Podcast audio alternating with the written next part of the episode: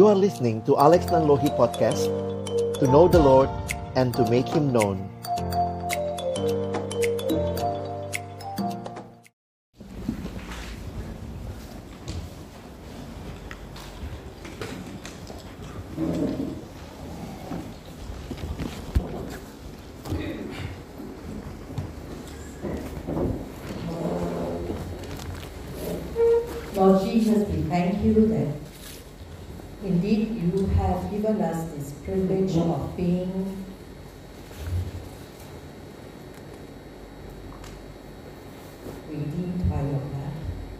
Tuhan Yesus kami bersyukur untuk anugerahmu kami ditebus dengan darahmu.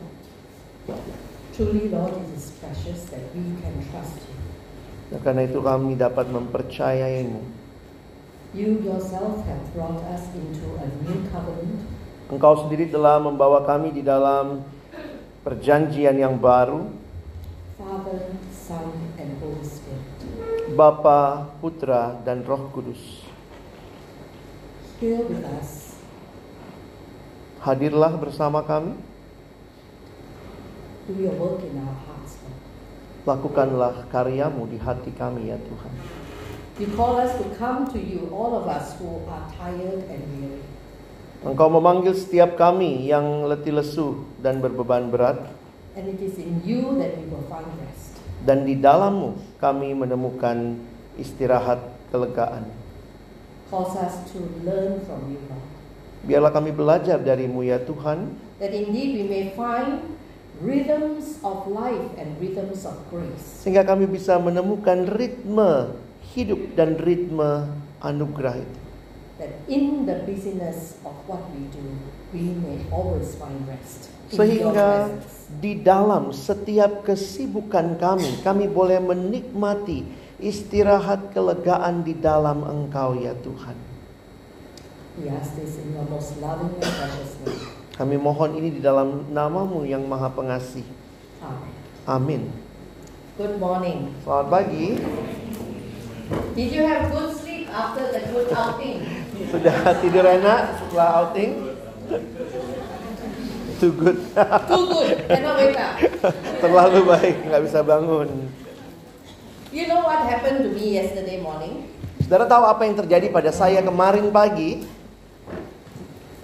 I thought the, the session was starting at 8 o'clock. Saya pikir sesinya mulai jam 8 kemarin So from my room, I thought I was late. Jadi dari kamarnya dia udah tergesa-gesa pikirnya telat nih So I came here before 8 o'clock. Saya datang sebelum jam 8 kemarin ke ruangan ini All gelap.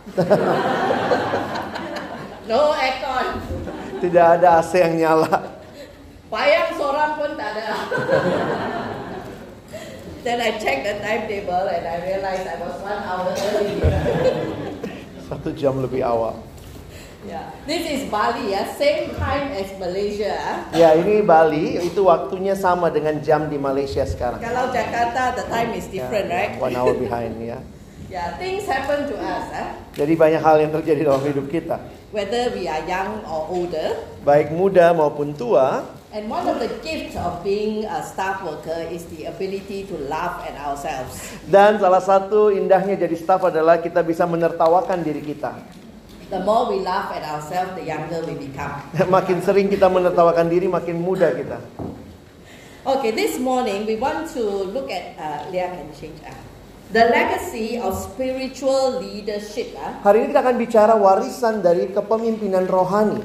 What is spiritual leadership? Apa sih kepemimpinan rohani? Anyone? Silakan, ada yang mau jawab? If you can summarize spiritual leadership in two or three words, Hanya dua atau tiga kata bisa coba simpulkan kepemimpinan rohani itu apa?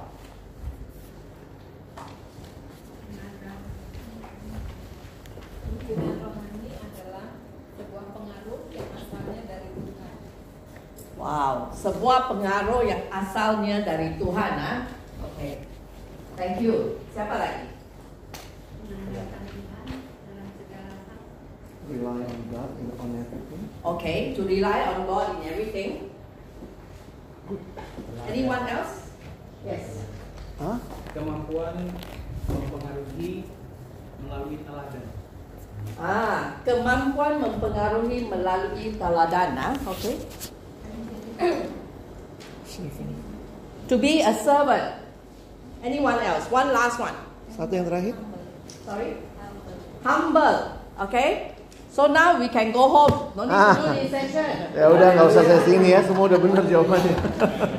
Hope, hopefully we will finish this session faster ah, because you will hear my voice a lot today.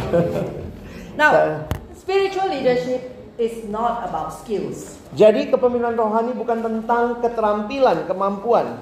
Spiritual leadership is not about doing. Ini bukan tentang melakukan, Spiritual leadership is not about what kind of training or degree we have. bukan tentang training ataupun mungkin gelar keserjanaan kita. Spiritual leadership is anchored in a living relationship with God as our Father. Sehingga kepemimpinan rohani itu berakar pada relasi yang hidup dengan Bapa kita. As staff workers, we fall into the trap of doing. Seringkali sebagai staf kita jatuh dalam jebakan melakukan. because we are busy all the time. Karena kita ini orang yang sibuk sepanjang waktu. We measure our success by how much we do and how much we achieve. Dan kita mengukur kesuksesan keberhasilan kita dengan apa yang kita berapa banyak yang kita kerjakan dan berapa banyak yang kita capai. We compare our effe- effectiveness, you know, by, by how many groups we are influencing. Bahkan kita mem- membanding-bandingkan kesuksesan kita dengan berapa banyak kelompok kecil yang kita pimpin. And if in the midst of busyness there is something that we need to let go and we must let go, Dan bahkan di tengah-tengah kesibukan kita, ada hal-hal yang harus belajar kita lepaskan. for many of us, if we let go of anything, it is uh, in guarding the relationship with God our Father. Dan itu adalah demi menjaga relasi kita dengan Tuhan. And so then, unknown to many of us, while we are busy working for God, our hearts are very far away from Him. Dan mungkin banyak yang menjadi bagian kita ketika kita begitu sibuk bagi Tuhan, tapi hati kita jauh dari Dia. So, this morning, as we think about uh, the legacy of spiritual leadership from the life of Joshua, I want to pick out four things. Pagi ini dalam tema kita, saya akan mengambil empat hal dari kehidupannya Yosua. And you will also do some work. huh? Dan saudara seperti biasa akan melakukan beberapa hal. The first one is, you know, from the 40 years that he was in the wilderness, there are many lessons that he learned from the wilderness. Saudara bisa melihat yang pertama adalah 40 tahun perjalanan di padang gurun itu juga memberikan pelajaran bagi Yosua. Three incidents I pick up from the wilderness. Dalam padang gurun ini saya memilih tiga kisah. The first one is when they first came out of Egypt. The first time that Joshua was named in the Bible is when Moses asked him to lead the battle against the Amalekites. Exodus chapter 17. Kita akan melihat yang pertama adalah di dalam keluaran pasal 17. Ini pertama kali nama Yosua muncul di dalam Alkitab kita ketika mereka sudah keluar dari Mesir dan berhadapan dengan bangsa Amalek. The second one is serving as Moses' aide. Every time that Moses, after meeting with God at the tent of meeting, Moses goes back to camp, whereas Joshua remained behind at the tent. Cerita yang kedua, kisah yang kedua adalah Musa sebagai eh, Yosua sebagai abdi Musa di mana setiap kali Tuhan berjumpa dengan Musa di dalam kemah pertemuan itu maka setelah Musa keluar dari kemah itu dan meninggalkannya dikatakan di Alkitab bahwa Yosua hambanya itu tetap di situ. The third one, Yang ketiga at the 40th year of their wanderings, adalah peristiwa yang terjadi 40 tahun setelah mereka mengembara ini at the waters of Meribah. di eh, air di Meriba. So these three incidents, huh? Jadi ada tiga peristiwa yang saya pilih um, you will re- you reflect on these events and you see how this event may have influenced his relationship with God. Coba saudara refleksikan peristiwa ini, lalu lihat bagaimana setiap peristiwa ini mempengaruhi relasi Yosua dengan Allah. So two groups, two groups will look at the battle against Amalekites as well as the tent of meeting. Jadi masing-masing nanti ada dua kelompok melakukannya. two groups will look at the waters of Meribah. Lalu ada dua kelompok juga Okay? yang water So you think Meribah. about which one you want to choose, ah? Ya, saudara silakan mau pikir mau pilih yang mana. Okay, now the second, the second uh, incident, uh, second point Hal kedua yang saya ingin kita pelajari adalah is about how Joshua is, no matter how high he rises, he is a servant at heart. kita akan melihat bagaimana Yosua meskipun begitu tinggi posisinya dia punya uh, hati seorang hamba. So the two groups will explore this, uh, how he served as an aide, how as a leader his response to God, and then how at the end, when everything is finished, Jadi nanti ada dua kelompok yang tersisa akan mengerjakan bagian ini. Melihat bagaimana sikap Yosua di awal dia memimpin waktu masih jadi aba- uh, sorry, di awal dia memimpin, waktu dia uh, memimpin dan kemudian dia selesai dalam akhir kitab Yosua. So dipimpin, memimpin dan habis. Ya. Ah, uh, pimpinan ah, okay. The next slide ah. Okay, now when I say uh, leadership, right, it doesn't mean that just because you are not appointed as a leader, you are not a leader. Kalau- Every staff worker is a leader in some way. Kalau tadi eh, kalau saya berbicara tentang kepemimpinan, maka saudara ini bukan sekedar kepemimpinan dalam struktur. Kalau saudara terpilih atau ada dalam struktur, tapi adalah setiap staf adalah pemimpin dalam setiap eh, paling tidak adalah pemimpin begitu ya. We are leading students and we are leading graduates. Karena kita yang memimpin para mahasiswa, siswa dan juga alumni. What more, senior staff? Apalagi kalau saudara staf senior. The fact that you carry the, the, the title of senior staff, Hanya dengan menyandang gelar senior staff aja, you are already a leader. saudara sudah seorang pemimpin. You are influencing whether you know it or not. Saudara akan mempengaruhi baik saudara sadari atau tidak. Okay, the third thing Hal ketiga, is this incident about how Joshua became deceived by the Gibeonites. Ini adalah peristiwa tentang Yosua dikelabui atau ditipu oleh orang Gibeon. Okay, so what is it that he, what mistake did he make, and what is the consequence of the mistake? Kita akan melihat apa kesalahan yang Yosua lakukan dan kemudian apa konsekuensinya. And then how, because he has already made promise, uh, he has to honor his promise. Lalu kemudian nanti perhatikan dia sudah membuat janji dengan bangsa Gibeon dan dia harus menepati janjinya. Okay, so two groups will look at this. Jadi dua kelompok yang terakhir akan bicara tentang hal ini. So, sudah pilih which one your group wants to do? Okay, yang Gibeonite ni, siapa mau? Siapa yang mau ambil uh, Siapa suka penipuan tipu orang? Gibeon? Ah, Ah, ini. suka tipu orang ya. I joking with you ah, Okay. ah. Okay, Herbert's group there. Siapa lagi? Satu lagi yang tentang Gibeon. Ada yang mau pilih? Okay, this group, these two groups ah, Gibeonites. Okay, very good. Okay, Joshua a servant at heart. Siapa mau? Siapa okay. mau yang kedua? Okay, your group uh, Satu. Fani. Siapa lagi? Joshua a servant at heart. Siapa mau? Nobody want to be servant. Ah. Okay, group. Biar group. Okay, waters of Meribah. Siapa? Siapa yang mau pilih di air di Meribah? Waters of Meribah ya. Siapa lagi? Waters of Meribah. Water Meribah? Enggak. Siapa mau Meribah? Meribah, Meribah. Mau? Mau? Okay, so Meribah is here, here and here. So this group, uh, the tent of meeting and the Amalekites. You also ah? Amalekites and tent of meeting. Orang lain sudah pilih, no more pilihan. okay? Okay, I give you 15 minutes, ah.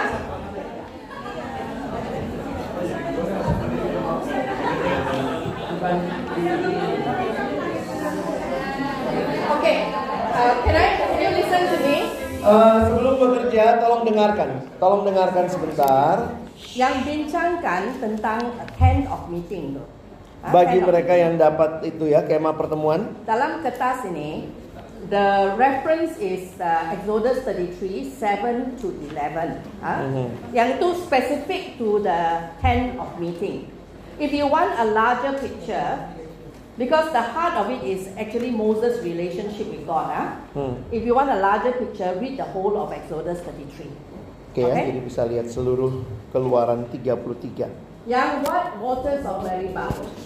Ya, This one dengan this one. ah.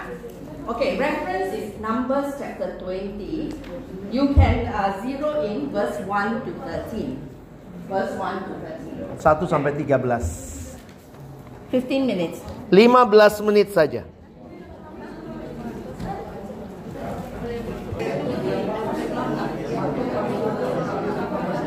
Have you finished? Sudah ya? As always, ah, habis masa hangat perbincangan. ah. Selalu begitu ya, waktunya udah mau habis baru mulai hangat pembicaraan.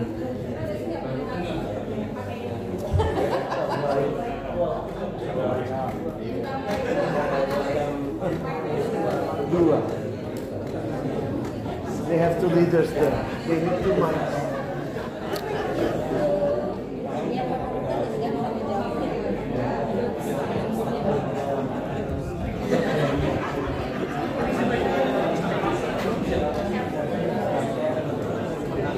Okay, come let's listen to one another. Mari kita saling mendengar. Semua berhenti diskusi, semua berhenti diskusi dengarkan kelompok yang presentasi. Ya, stop ya. Sudah dulu ya, sudah. Sudah lewat waktunya ya nanti di rumah. Okay, um, we want to hear lessons from the wilderness. ah. Kita akan mulai dengan pelajaran dari padang gurun. And uh, others of you, after you have heard their contributions, if you have addition, you can uh, contribute. Silakan kalau nanti ada yang memberi masukan dari apa yang dia dengar dari kelompok lain yang belum disebutkan, silakan. Okay, yang uh, we look at the first two, the battle against the Amalekites and at the tent of meeting. Let's take the first one, ah, Kita lihat yang pertama dulu, battle against Amalekites. So peperangan maybe melawan Amalek. one thing from you, one thing from you first. Okay, let's do that and try to speak louder Coba ngomongnya. you are across the room. Oh, number two. Oh, there, there, there, there. The tent of meeting kan? No, seven not. There. Oh seven, ah, kamu buat yang seven. So so sorry. I didn't know that. You are doing the. Okay okay. So sorry sorry. Okay. So from you ah, one Satu, satu dari sana, satu dari sini. Oke.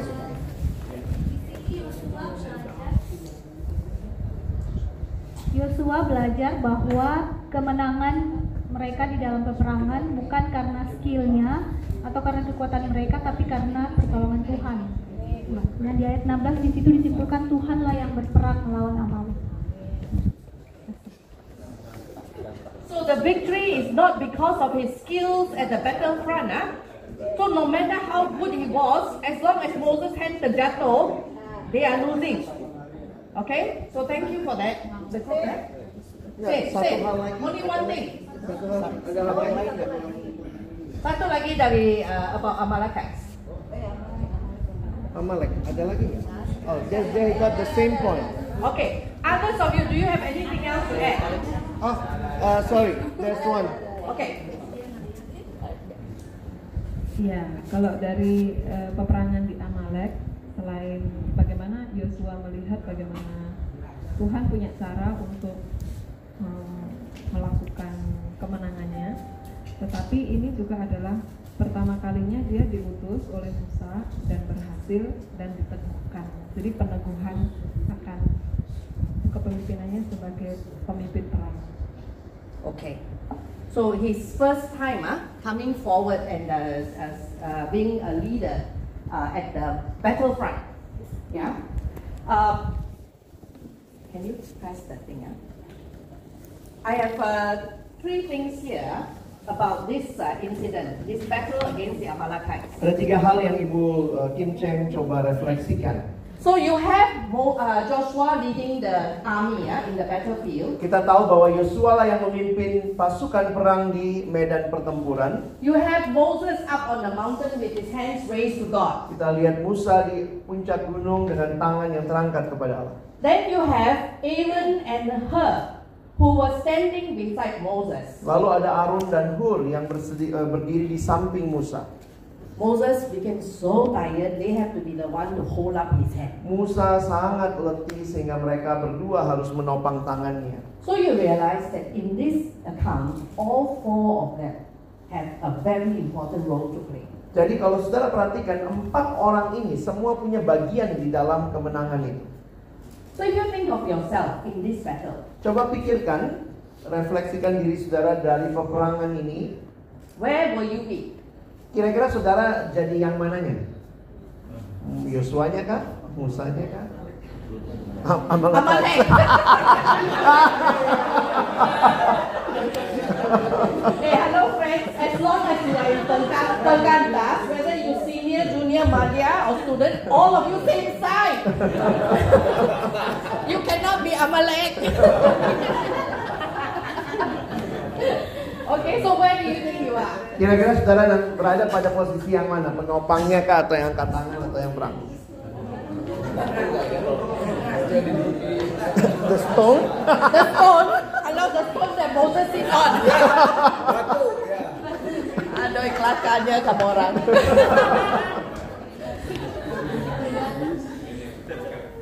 Whatever you think you are, everyone has a role to play. Apa pun yang saudara pikirkan peranmu di dalam peristiwa cerita itu, setiap orang punya peranan. There are no solo heroes, and I don't mean solo as in the play solo. Ah. Bukan solonya Yo ya. No lone rangers. Tidak ada seorang yang berperang sendirian. Even though I know that in ministry, many times we work alone.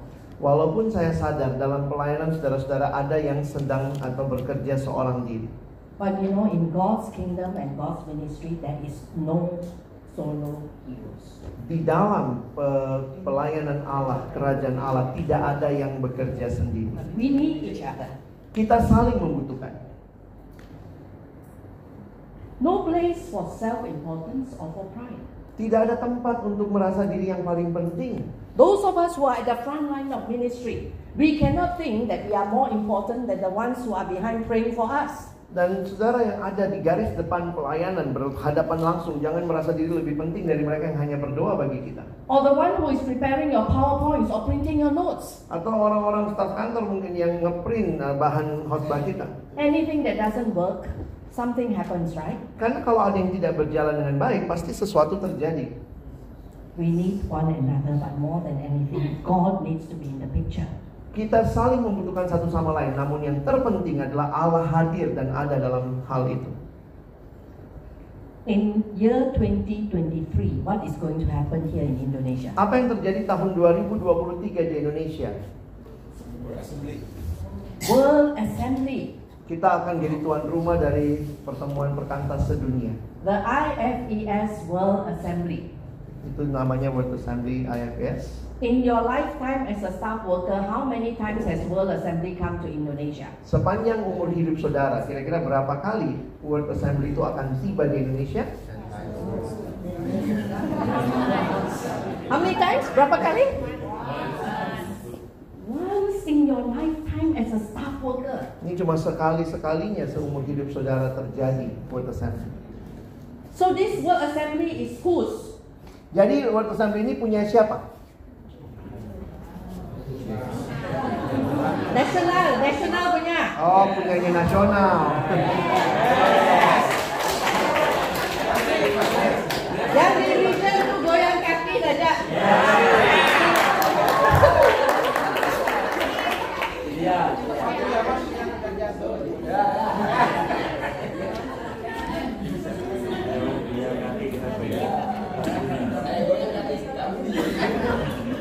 You know, in South Africa, when Alex and all the others from Indonesia went up to receive the souvenir from South Africa, yeah? The big one. The big one. all of us clap for them, especially in East Asia. Right? We are so proud of the fact that you know we are able to host. Yeah? But so much more the fact that it's Indonesia and not Malaysia. Jadi waktu terima itu di sana ya semua regio East Asia berdiri tepuk tangan tapi ya mereka juga bersyukur bukan negara aku negara. Kita negara kedua ya the second country in East Asia to hold. Yes. 1999 it was in Korea. Kita negara kedua, yang pertama itu Korea tahun 1999. So region. it is your honor, your privilege Ini satu kehormatan, saudara, to welcome the world into your home. untuk menyambut orang dari seluruh dunia datang ke negara kita. So whether you are in Papua, you are in Medan, you are in Sulawesi, whether you are in Bali, and you are not at the World Assembly site, all of you are actually involved. Jadi meskipun saudara ada di tempat masing-masing, maka ketika World Assembly itu kita jadi bagian yang menyambutnya. Not just in 2023, but right from now. Bukan hanya nanti 2023, tapi mulai saat ini. Do you know that when I stand here this morning as I speak to you, my colleagues at home are praying for me? Saudara tahu waktu saya berdiri pagi ini, berbicara di depan saudara, ada teman saya yang berdoa bagi saya. Not only that, you have been prayed for by name. Bahkan teman saya ini berdoa nama per nama. Because it is not the work of one person. Karena ini bukan eh, cuma satu orang yang punya pekerjaan. It is not the work of us humans. Ini bukan pekerjaan manusia, It's God's work. ini pekerjaan Allah. So my friends, I pray that during World Assembly you will not be the Amalekites. Ya, kita mulai bisa berdoa ya. Deve sudah mulai bisa siapkan pokok doa ya. Mulai tahun ini, bulan ini. okay, at the tent of meeting, ah, what is it? Kita akan melihat uh, di tenda di kemah pertemuan. the influence uh, Joshua's life, right? Apa yang menjadi pengaruh dalam apa yang membuat uh, atau pengaruh apa yang Yosua alami? Okay, this group first. Silakan, sekarang dari yang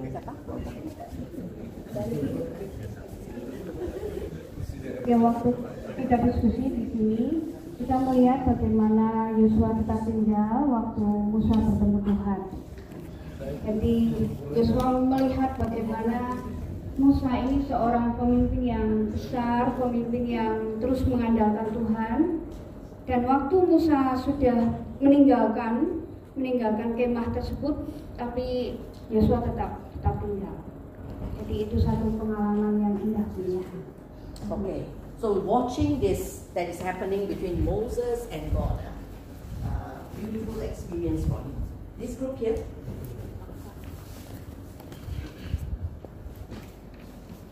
Influence yang pertama yang kami lihat adalah soal kedekatan Musa, keakraban Musa dengan Tuhan.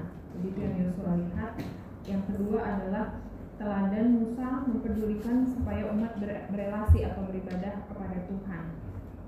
Okay. So you know uh, Moses' uh, relationship with God, uh, Moses' closeness with God, is actually seen by all. Uh, Saudara perhatikan bahwa kedekatan Musa dengan Allah itu terlihat di hadapan umat. Uh, imagine uh, you are Joshua and you are watching all of this happening. Bayangkan saudara adalah Yosua yang melihat semua itu terjadi. what is going through your mind? Apa yang muncul atau dapat di benak saudara? Adakah kamu nak dekat dan intai dan intip? Pengen ngintip nggak? Yeah, you want to know the secret, right? Pasti pengen tahu apa sih rahasianya ini. So you know, never before has God come so close. Belum pernah terjadi Tuhan begitu dekatnya dengan manusia. Seeing this awesome intimacy, this awesome closeness between God and Moses. Dan melihat face to face, ah, as with a friend. Keindahan keluar biasaan sebuah perjumpaan Tuhan dengan Musa seperti teman muka dengan muka. So you know his role ah, when Moses balik to the camp, he has to stay back and jaga the tent. Ya, sudah tahu ya apa tugasnya Yosua. Kalau Musa sudah balik, maka dia harus jaga kemah itu. Usually whose job is it to stay back and jaga the camp? Siapa yang harusnya punya tugas itu? Jaga kemah itu. Tenda kemah pertemuan. Mungkin staff yang paling dunia eh? Satu dunia. ataupun staff assistant ataupun ah, you think that it is not an important job. Mungkin saudara berpikir itu bukan pekerjaan penting lah jaga kemah. But do you know that it is a privilege for Joshua to guard that space where Moses can meet face to face with God? Tapi saudara bisa bayangkan betapa pentingnya bagi Yosua menjaga bagian itu supaya Musa bisa berjumpa dengan Allah muka dengan muka. When you think about God and you Waktu saudara berpikir tentang Allah dan dirimu, face to face. berhadapan muka dengan muka, You looking into God's heart and face, God looking into your heart. saudara melihat kepada wajah Allah dan hatinya dan Allah melihat hati saudara, What do you think God will say to you? kira-kira apa yang akan Tuhan sampaikan bagi saudara?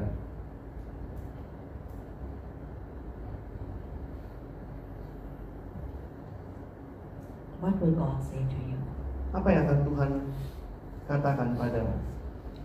Part of our ministry is to learn to guard that space with God. Salah satu bagian penting dalam pelayanan kita adalah menjaga supaya ada ruang itu dalam perjumpaan dengan Allah. For us personally, as well as for the people we are ministering to. Baik untuk diri kita secara pribadi maupun untuk orang-orang yang kita layani. There are many things that try to steal that space away. Dan ingat ada begitu banyak hal yang berusaha merebut, mencuri waktu-waktu seperti itu. But that is the heart. Yeah. Tapi sesungguhnya itulah inti hatinya pelayanan. Okay, at the waters of Meribah, siapa yang buat? Yang Water of Meribah, satu di sini, satu lagi. Oke. You Go first.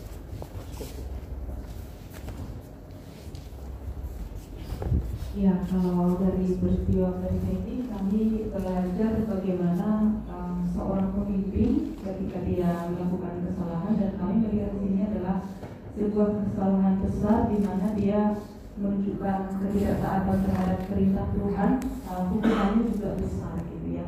Dan bahkan uh, kalau kisahnya itu di kitab bilangan dan uh, disampaikan di dalam kitab ulangan, di situ Musa menyampaikan bahwa dia sebenarnya sudah uh, bisa dikatakan minta ampun, minta inilah ya supaya dia bisa tetap masuk ke tanah kanan. Tapi Tuhan tegas hukumannya uh, dilakukan untuk dia gitu ya. Jadi kami lihat uh, ketidaktaatan dan itu ketidaktaatan yang besar tidak mengakui keputusan Tuhan itu hukumannya juga besar.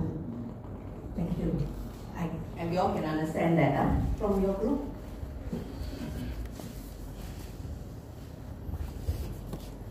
Iya, eh, lebih kepada fokus kami tadi lebih kepada kata atau firman Tuhan yang tidak bisa disepelekan karena itu identik dengan Allah sendiri dengan kekudusannya Hmm. mengganti firman Tuhan dengan sebuah tindakan yang tujuannya sama itu sudah me, apa namanya, menista kekudusan Tuhan.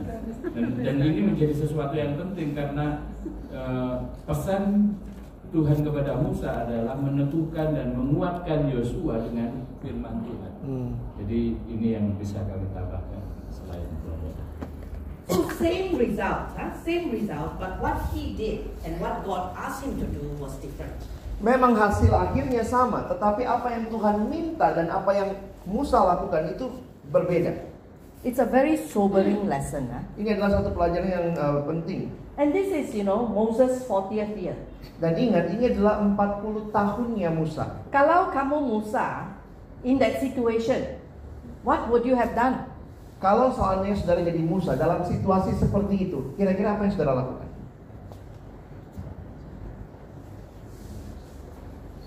The people are grumbling still. After 40 years, still grumble, no water. Jadi bayangkan tuh setelah 40 tahun umat Israel terus mengeluh nggak ada air. After 40 years, still cannot trust that God will provide water. Bahkan setelah 40 tahun tidak bisa percaya bahwa Tuhan pun akan menyediakan air. How, what would you do as Moses? Kalau sebagai Musa kira-kira mau ngapain lagi?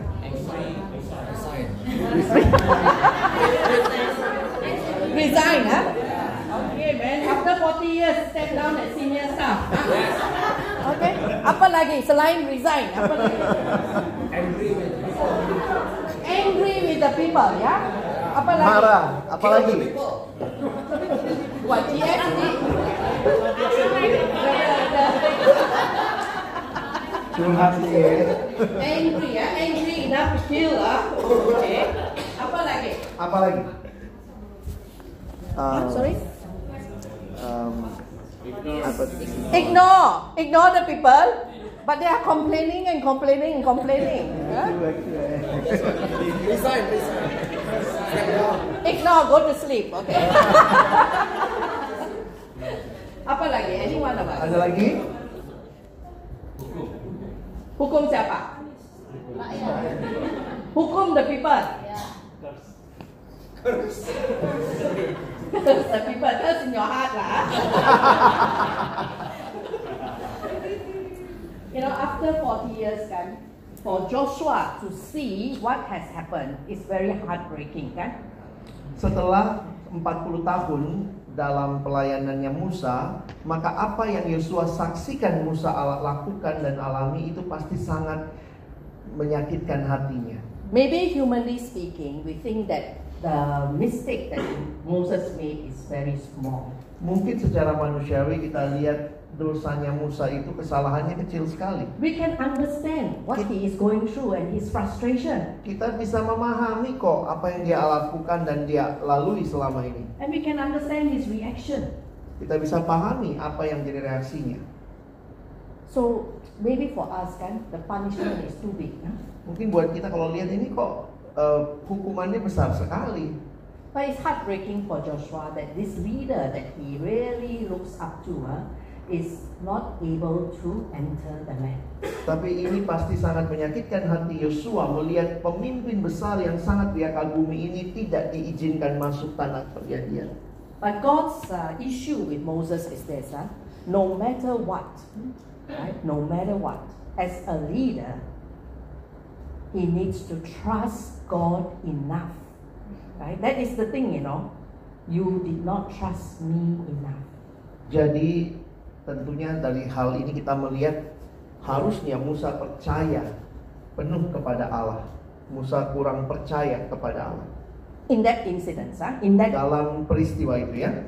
so trusting God enough to honor Him as holy. Jadi percaya sepenuhnya kepada Allah dan melihatnya sebagai Allah yang kudus. In this instance, Moses' uh, frustration and anger became so much bigger than God. Jadi di dalam bagian ini frustasinya Musa dan kemarahannya bahkan lebih besar daripada melihat kepada Allah. And so it got in the way between God and the people. Jadi Allah ada di antara Allah dan uh, umat.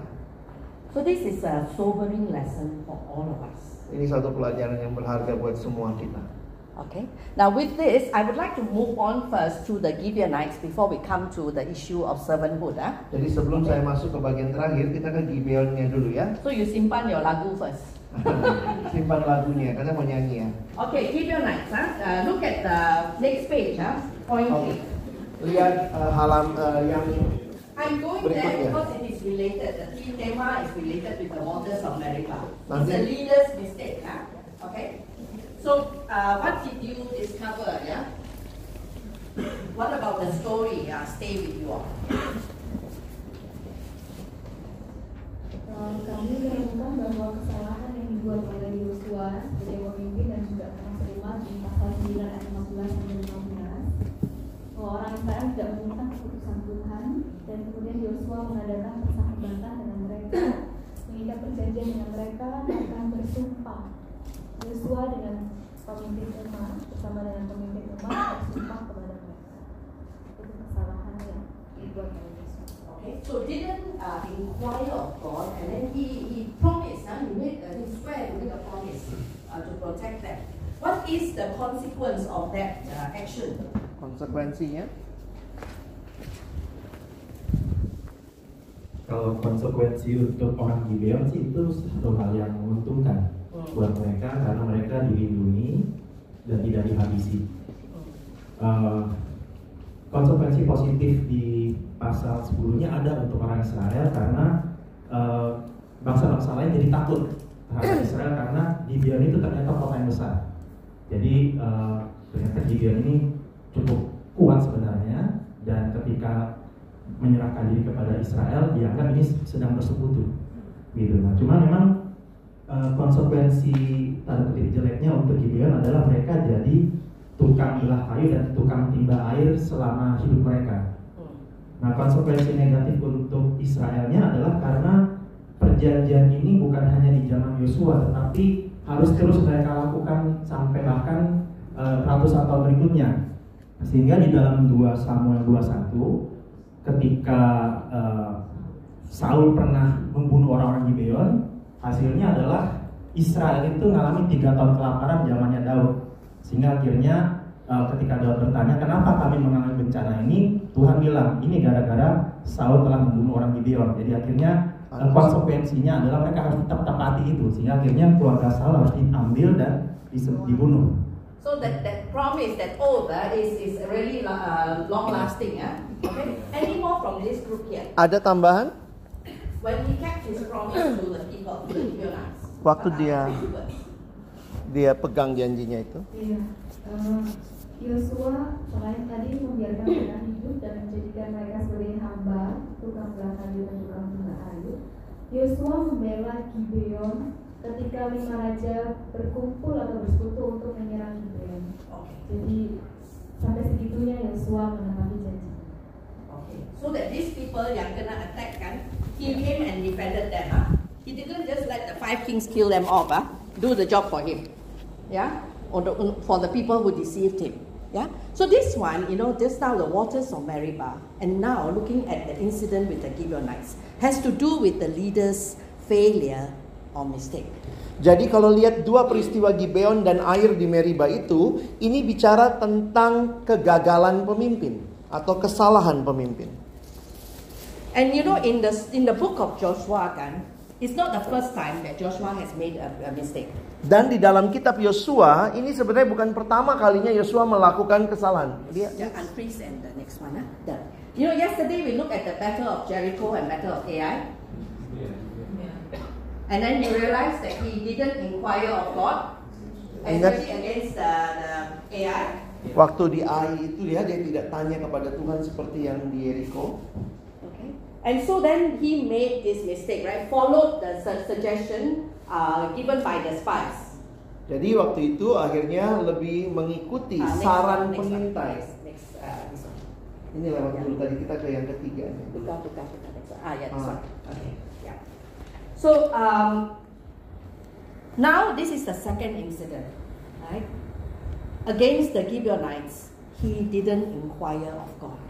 Jadi ini adalah peristiwa kedua di mana Yosua tidak mencari kehendak Allah. Pertama yang kemarin itu dan sekarang yang di Gibeon. What did he rely on? He relied on what he saw of the Gibeonites. Jadi dia hanya mengandalkan apa yang dia lihat dari orang-orang Gibeon. Their pakaian, their kasut, their food. Ya, jadi lihat dari makanannya, pakaiannya, sendalnya. And then when he asked them question, they told him where they come from. So from what he saw, from what he heard. Jadi bukan hanya dari apa yang dia lihat tampak di depannya, tapi juga dia bertanya dan mereka menjawab. Berarti dia percaya apa yang dia dengar. And very clearly we are told in Joshua chapter 9, he did not inquire of the Lord. Dan sangat jelas ada ayat di dalam Yosua pasal 9 mengatakan dia tidak mencari kehendak Tuhan atau bertanya kepada Tuhan. Verse 15, it is very clear. Joshua was the one who made the treaty. Dan sangat jelas di ayat 15 Yosua lah yang mengadakan persahabatan dan perjanjian dengan mereka. One of the consequences which the groups didn't mention is that the whole assembly of Israel grumbled against their leaders. Bahwa keseluruhan umat Allah itu bersungut-sungut kepada pemimpinnya. Has it ever happened that you are unhappy with some of the decisions that are made? Pernah nggak saudara tidak puas dengan keputusan yang diambil? Or maybe you are unhappy with the way certain staff are doing things. Atau mungkin tidak suka dengan tingkah laku atau staf ini cara dia melakukan sesuatu. It's there, right? Ada demikian ya terjadi. But you know, when the leader makes the mistake, right? What did they do? How did they respond? Tapi ketika pemimpin itu melakukan kesalahan, lihat responnya, apa yang harus dilakukan. You look at Moses, he pleaded with God, but he also submitted to God's judgment. Saudara lihat apa yang terjadi pada Musa, dia memohon kepada Tuhan tapi juga dia menerima apa yang menjadi hukuman Tuhan bagi dirinya. In Numbers 27, when the Lord said, You will not enter the land, he spoke to the Lord and said, Appoint someone who will lead the people like a shepherd.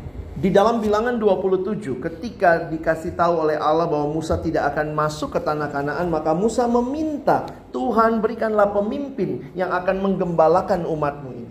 He tried all he can because he is close to God, eh? Nah, to jadi- persuade God to allow him to enter. Jadi Musa ini minta sama Tuhan karena kedekatan dia ya Tuhan masuk dong, masuk dong. But cannot have corruption with God, kan? Tapi nggak bisa korupsi dengan Tuhan kan? He submitted. He Musa did everything that he could to ensure that Joshua will be recognized as a leader. Jadi dia uh, memastikan bahwa semua hal yang dibutuhkan Yosua untuk memimpin uh, ada. What about uh, Joshua? Bagaimana dengan Yosua? In this incident with the Gibeonites, two things. Huh? Ada dua hal dalam peristiwa Gibeon ini. The first one is when the the whole assembly grumbled against them for the leaders for making this decision. He tried to find a good position.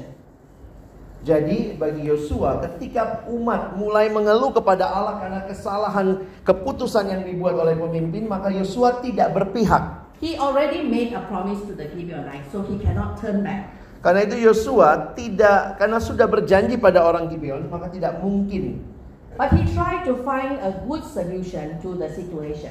dia tidak mungkin eh, tidak menepatinya, tapi dia coba mencari solusi yang baik untuk situasi itu.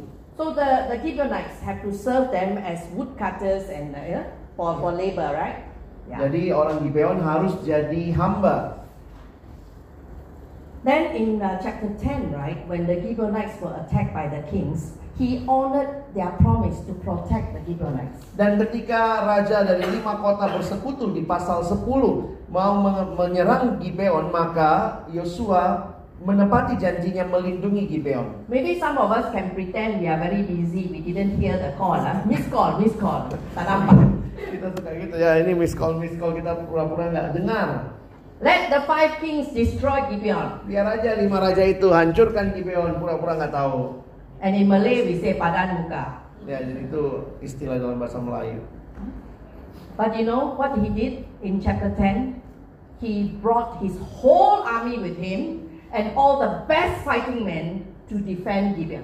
Tapi perhatikan yang dia lakukan, Yosua lakukan di pasal 10. Dia memberi mengerahkan seluruh pasukannya dan orang-orang perang yang terbaik. Because they made a promise. Karena mereka sudah berjanji. Do the Gibeonites deserve it? Apakah orang Gibeon pantas menerima ini? No, they cheated them. Jangan, harusnya enggak kan? Mereka menipu Yosua dan umat Israel. But the leader has given a promise and has to keep his word. Tapi pemimpin itu sudah bilang, maka dia menepati janjinya. And because they did that, number one, God's promise was with them. Dan karena mereka mengatakan itu, maka yang pertama, eh, kehadiran Allah atau janji Allah bersama dengan mereka. The second one is as they went out to fight these five kings, what happened was they managed to defeat the five kings. It opened the doorway for them to conquer the southern region. Dan yang kedua, ketika dia berhasil mengalahkan lima raja ini, maka ini juga terbuka pintu kepada daerah-daerah yang dikuasai oleh lima raja itu. And also in this battle, for the first time and the only time in history, the sun and the moon stood still. Dan inilah peperangan di mana pertama kalinya terjadi, matahari dan bulan tidak bergerak. Time stood still. Waktu itu berhenti. I don't know how many times we have prayed that time will stop moving. Saya nggak tahu berapa kali kita sebagai staff sudah berdoa, Tuhan stop dong waktu ini. We are not ready. Karena kami nggak siap nih. We need more time, huh? Kita butuh waktu lebih. But why God never answer our prayer? Kenapa doa kita nggak dijawab? We are told in uh, Joshua chapter 10 that it was the only time that the Lord listened to men in this way, Tumen. to men, human. Dan kita dikasih tahu di dalam kitab Yosua ini itu untuk pertama kalinya Tuhan mendengarkan permintaan manusia dan melakukannya. Lesson for us as senior staff. Apa pelajaran bagi kita sebagai staff senior? We are humans and we will fail and we will make mistakes. Kita itu manusia yang masih gagal dan masih melakukan kesalahan. How do we respond when we have failed or when we have made mistakes? Bagaimana cara kita merespon kalau kita sudah bikin salah? But more important than that, who do we allow to tell us that we have made mistakes? Tapi yang jauh lebih penting, siapa yang kita izinkan memberitahu kepada kita bahwa kita melakukan kesalahan? Who is above the senior staff? Siapa lagi di atas senior- staff senior? Super senior. Who is above the super senior? Siapa lagi yang di atasnya super super senior?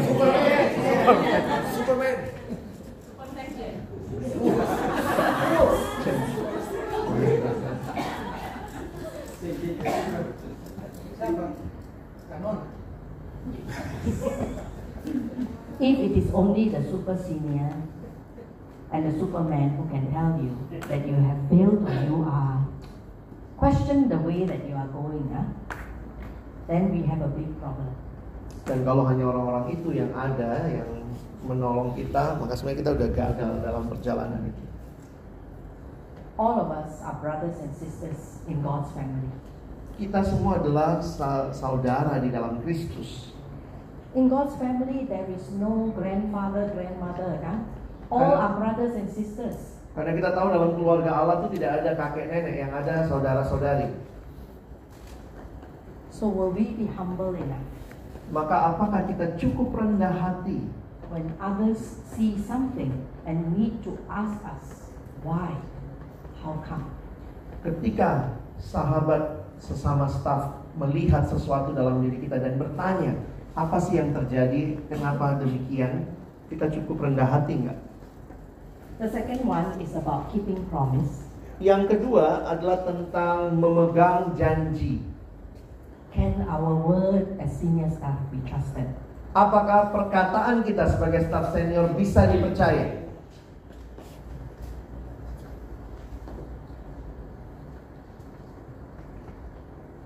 When the rest of our team look at us, they know that you can be depended on. Sehingga ketika orang-orang yang ada dalam tim kita melihat, dia bilang ini orang yang bisa dipercaya, bisa diandalkan omongannya.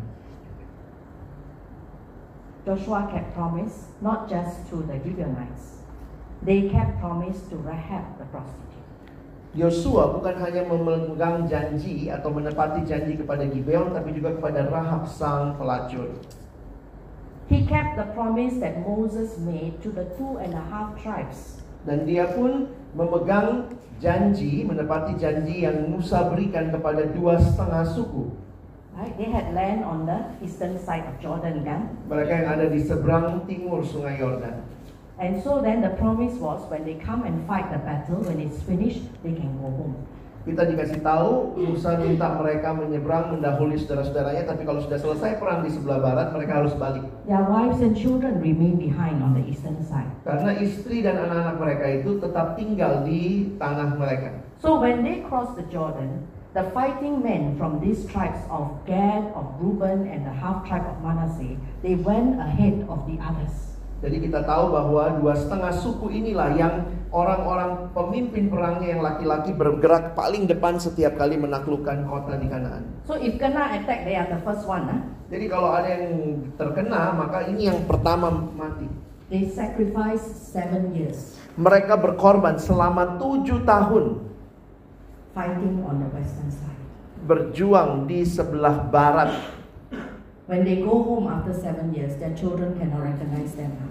Dan itu kan bisa dibayangkan tujuh tahun setelah perang itu pulang oh, anaknya nggak kenal ini. But Joshua kept his promise to them. Tapi Yosua memegang Moses' promise. huh? mem- apa menepati janji yang Musa janjikan dulu. So not just when what you say, but you know what was promised huh, by the in the past. Jadi ini honored. Huh? Jadi ini bukan hanya tentang apa yang kita sebagai pemimpin janjikan, tetapi apa juga yang sebelumnya sudah dijanjikan harus dipegang. Alright, we want to move now to looking at him as a servant. Sekarang kita akan melihat sebagai hamba, Yeah. This group here, ya. This is point two in your paper, ah, first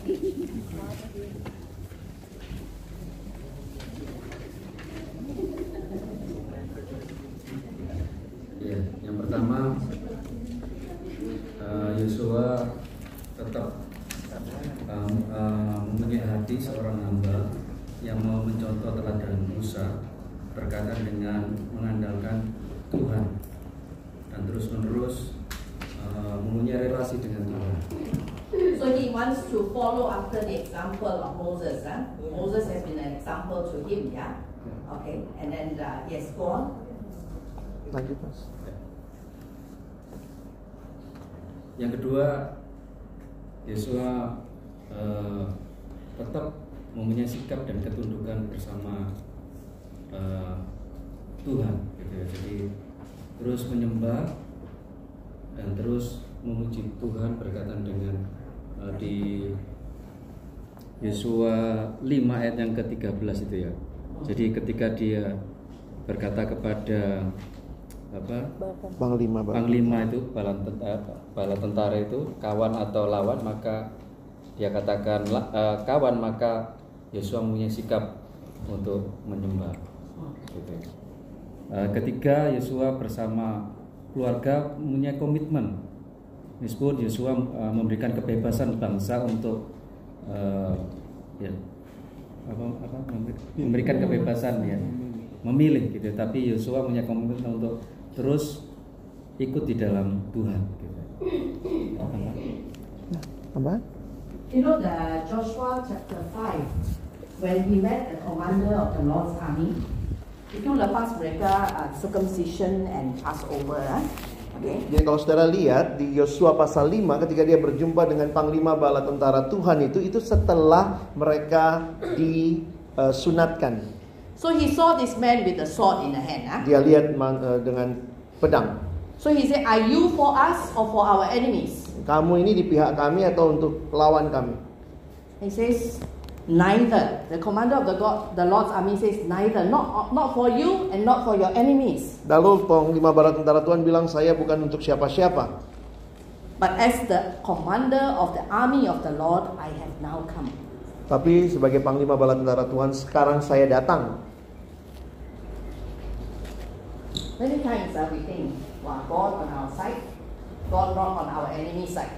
Kadang-kadang kita suka berpikir, oh Tuhan itu di pihak saya, bukan di pihak lawan. But you know that is not the issue here. Tapi saudara lihat ceritanya bukan itu. The issue is, are we on the Lord's side?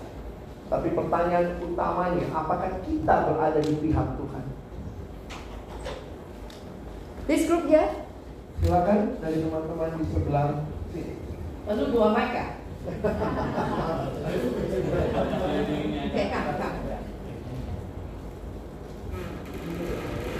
dengan Rino ya nanti Kak Anton menyampaikan bagian ketiga dengan Rino yang pertama di dalam eh, keluaran 33 di situ sikap daripada Yosua ya seperti yang disampaikan taat setia sebagai abdi yang terus mengikuti akan tuannya lalu di dalam sikap yang kedua eh, Yosua sujud ketika bertemu dengan panglima tentara Tuhan dia sujud sebagai sikap hormatnya, tunduk menunjukkan ketaatan pada Allah dan dia tunduk di situ menunjukkan bahwa dia siap menerima perintah.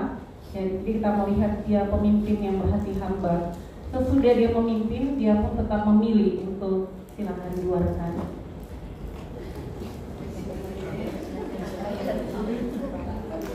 Ya, eh, bahwa se- sejak awal sebelum dia jadi leader, dia sudah punya gambar. Waktu di pasal 5 dia sudah jadi leader, tetap dia menunjukkan itu sampai akhir kepemimpinannya, dia menunjukkan akhir. Jadi sampai akhir dunia. Oke musik. Ya.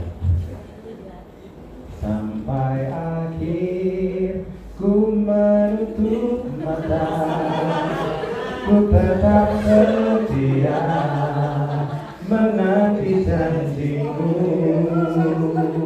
Sampai ku dapatkan mahkota kehidupanku. Ku tetap setia untuk melayanimu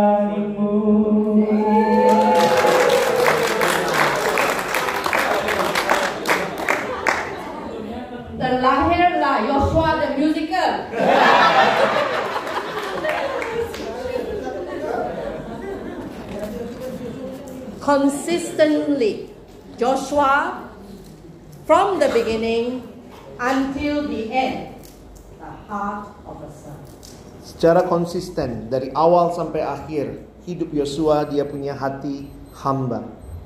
I want to highlight a few words to us. huh? Saya ingin mencoba memberikan penekanan beberapa Joshua hal. is not a nobody. Yeah?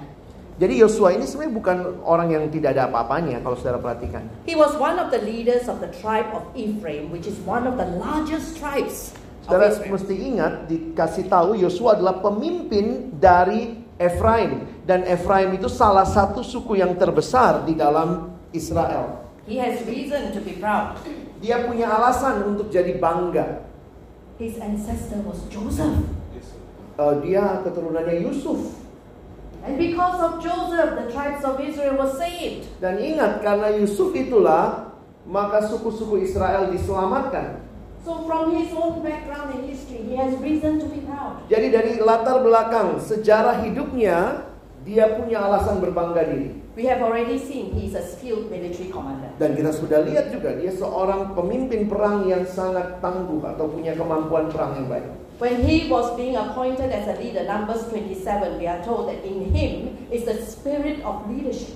Dan waktu dia dipilih menjadi pemimpin di dalam bilangan 27 dikasih tahu di situ dia punya roh kepemimpinan. Then, when he was taking over after Moses had died, we are told that he has the spirit of wisdom. Dan waktu dia mengambil alih setelah Musa mati, Alkitab memberitahu dia punya roh hikmat. And we know that in, by the time we come to Joshua 24, Joshua has fulfilled God's vision and been successful in God's calling for him. Dan waktu kita melihat akhir hidup Yosua di Yosua pasal 24, dia telah memenuhi apa yang menjadi tu- tuntutan Allah bagi dia dan dia telah berhasil. So if you are awarding him medals of achievement, ah, banyak ah, medals, ah, Jadi kalau kita kasih beja, apa lencana-lencana kepemimpinan banyak itu yang dia punya. he was an aid to Moses. Dia adalah hambanya Musa. The meaning of the word aid in English, a servant or a special assistant, a right hand man. Dan arti kata aid itu adalah hamba, seorang eh, asisten spesial dan tangan kanan. To aid means to serve or to wait on someone. Jadi untuk eh, itu jadi hamba itu adalah melayani dan juga menunggu sesuatu, seseorang. almost like a waiter. Jadi seperti seorang pelayan waiter. You know, you go to eat in the restaurant, usually you will just call waiter and have to come, kan? Jadi kalau kita datang ke restoran itu pelayannya kan disebut waiter. Kita And then you ask, dia datang. you ask for tea and the tea comes late, and then you call him and ask, "Oi, why so slow?" Jadi kalau kita minta saya pesan teh, kalau tehnya nggak keluar keluar kita panggil lagi orang itu pelayan sini. He was an aid to Moses, waiting on Moses. Jadi waktu dikatakan Yosua adalah hambanya Musa, pelayannya Musa, dia menantikan Musa. Then in Joshua chapter 5, when he says to God, uh, he, when he saw, said to the commander, he says, what, that, what message does my Lord have for his servant? Dan perhatikan ketika dia bertanya kepada panglima bala tentara Tuhan, dia tanya, apa pesan dari Tuhanku untuk aku hambanya? This is from NIV, yeah? Ini dalam versi terjemahan NIV kalau saudara perhatikan. From another translation, it says, What is my Lord commanding his servant? Di dalam terjemahan yang lain dipakai kata yang lebih kuat, apa yang Tuanku mau perintahkan untuk saya hambanya lakukan. The word servant. Jadi dipakai kata servant, ya, hamba. The original word means a slave or to be subject under. Dan kata aslinya itu berarti adalah seorang budak atau orang yang benar-benar di bawah kuasa seseorang. It implies humility, Di dalamnya ada kerendahan hati, to do whatever is commanded. melakukan apa saja yang diperintahkan. Joshua cannot say, God, you command, I will decide. Yosua tidak bisa bilang Tuhan, kau perintahkan tapi tunggu nanti saya yang putuskan apa yang saya mau lakukan. If I have time, Kalau ada waktu ya Tuhan, if it falls into my priority, kalau masuk dalam list prioritas saya, if I like the people I'm going to serve, kalau saya suka sama orang-orang yang akan saya layani, maybe I will follow. mungkin saya akan mengikuti yang kau perintahkan. No, I am at your command. Tapi bukan demikian. Yosua berkata, aku tergantung penuh pada perintah. The root word for this servant is the same word that is used in Genesis chapter 2 verse 15. Dan kata yang digunakan dalam bahasa aslinya untuk kata hamba ini akar katanya sama dengan kata yang dipakai di Kejadian 2 ayat 15. When we are told that God placed man in the garden to work it. Waktu dikatakan Tuhan menempatkan manusia itu di taman itu untuk mengusahakan taman itu. And it is the idea of this work as an act of worship to God, a ministry to Him. Dan pengertian di dalam bagian ini bahwa pekerjaan itu adalah seperti sebuah penyembahan ibadah kepada Allah. So Joshua sees himself as a servant, and being at God's command is his worship to God. Jadi Yosua menempatkan diri melihat Allah sebagai pemimpin yang memberikan perintah dan dia sebagai hamba dan ketaatannya menjadi sebuah ibadah kepada Allah. Later on in Joshua 24, it's the same idea, right, of being at God's command, of humble enough to serve the Lord. Dan kemudian di Yosua pasal 24 idenya sama adalah dengan kerendahan hati mau melayani apa yang Tuhan perintahkan. As senior staff, our calling is the same. Sebagai staf senior, kita punya panggilan yang sama. We are called to serve the Lord, but through the ministry of Perkantas. Kita dipanggil untuk melayani Allah melalui pelayanan perkantas. What is the Lord calling us to? Apa yang menjadi panggilan Allah bagi kita? Through the ministry in Perkantas. Melalui pelayanan di perkantas. Are we telling the Lord, Lord, this is what I want to do? Apakah kita bilang Tuhan ini yang saya mau lakukan? Or are we asking the Lord, Lord, show me what is needed? Atau apakah kita bertanya, Tuhan, nyatakanlah bagiku apa yang dibutuhkan. What does Perkantas need at this time? Apa yang perkantas butuhkan di waktu ini? What would you have me do? Dan apa yang kau mau aku lakukan? How can I serve my fellow staff? Bagaimana saya melayani sesama rekan staf? Joshua is an example for us. Yosua adalah teladan bagi kita. Finally, Yang terakhir, spiritual leadership is anchored in a covenant relationship with God. jadi kepemimpinan rohani itu berakar di dalam uh, sebuah relasi yang relasi perjanjian dengan Allah. I have put down for you here all the different points where God either remembered his covenant with the people or he renewed his covenant with them. Kalau saudara lihat bagian keempat, saya menuliskan di sini adalah ketika Allah membuat perjanjian dengan umatnya atau membaharui perjanjian dengan umatnya. So when they were slaves in Egypt, right, and because of their groaning and crying, God heard them and God remembered his covenant with Abraham. Jadi ketika Israel menjadi bangsa budak di Mesir, Tuhan mendengar teriakan mereka dan Tuhan mengingat kembali janji yang Tuhan sudah buat dengan Musa eh, dengan Ab- Abraham. Abraham. And because of that, God came to save. Dan karena itulah, karena janji dengan Abraham itulah Allah datang menyelamatkan.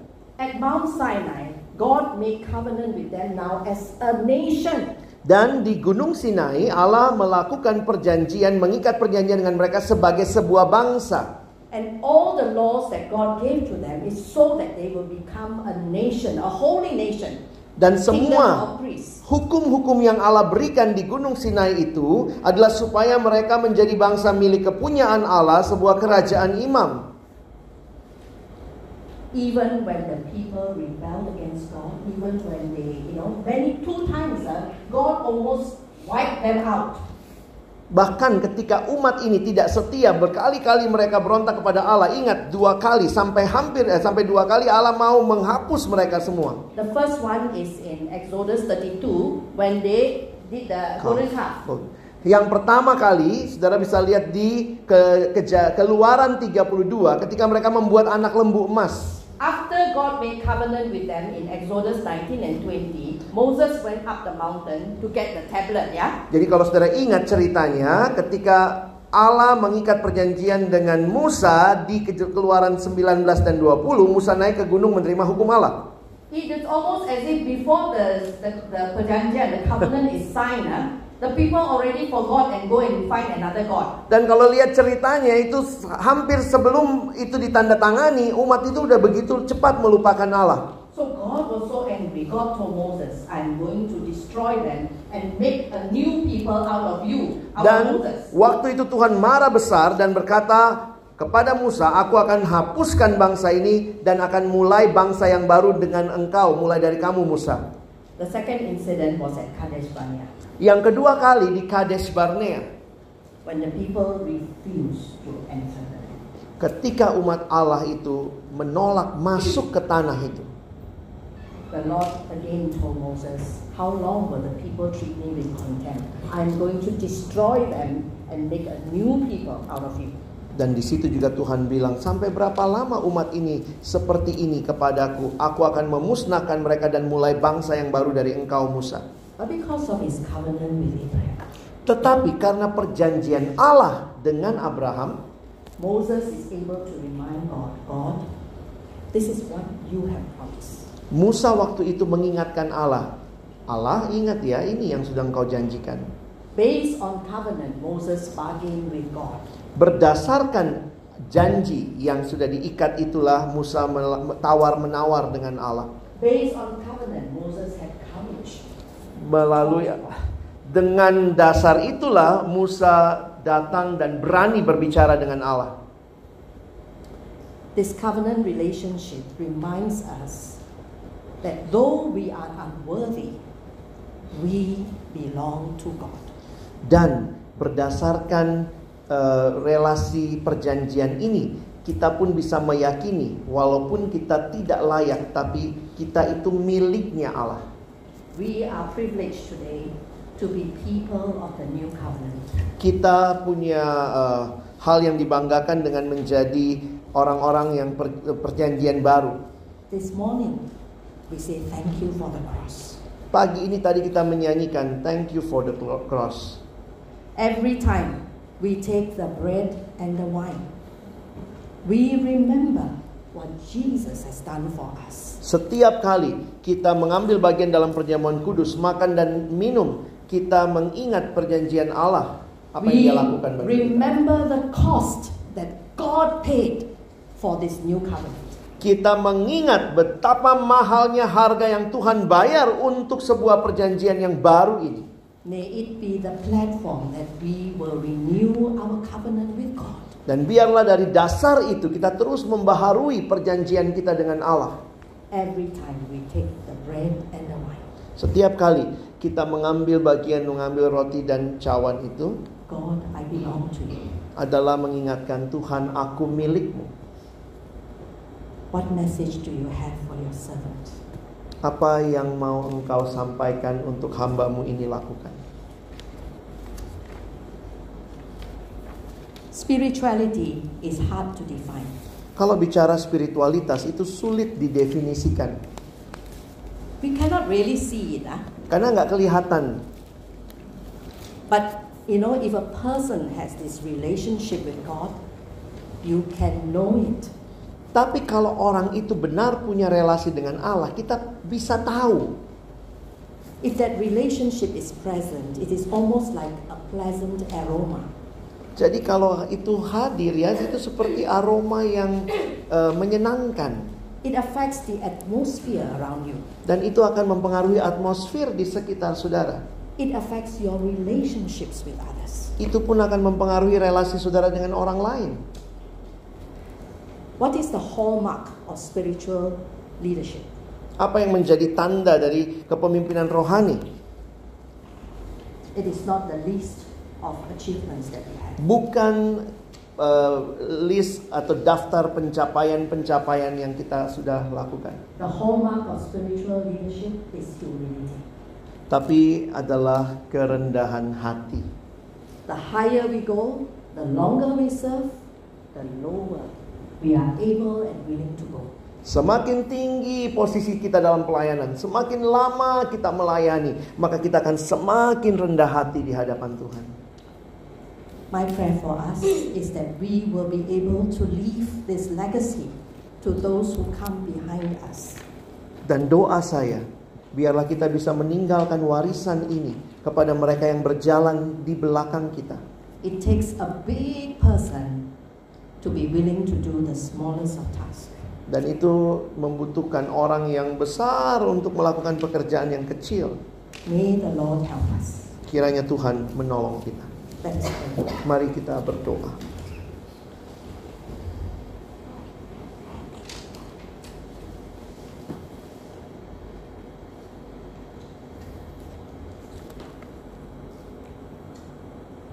Lord, you know us by name. Tuhan Engkau mengenal kami satu persatu nama kami masing-masing. You know where we have come from. Engkau tahu kami dari mana, dari latar belakang apa, dan Engkau tahu apa saja yang sudah kami lakukan. Help us the space to meet you face to face. Tuhan tolong kami memelihara satu ruang di mana kami berjumpa dengan Engkau muka dengan muka. That indeed out of this space we may be able to love you and serve you with all of our hearts. Sehingga dengan ruang yang kami nikmati itu kami bisa melayanimu dengan sepenuh hati kami, segenap diri kami. Our lives may be a fragrant offering to you. Biarlah hidup kami menjadi bau-bauan yang menyenangkan Engkau. In Jesus' name we pray. Di dalam nama Yesus kami berdoa. Amen. Amin. Thank you. Terima kasih. Teman-teman kita akan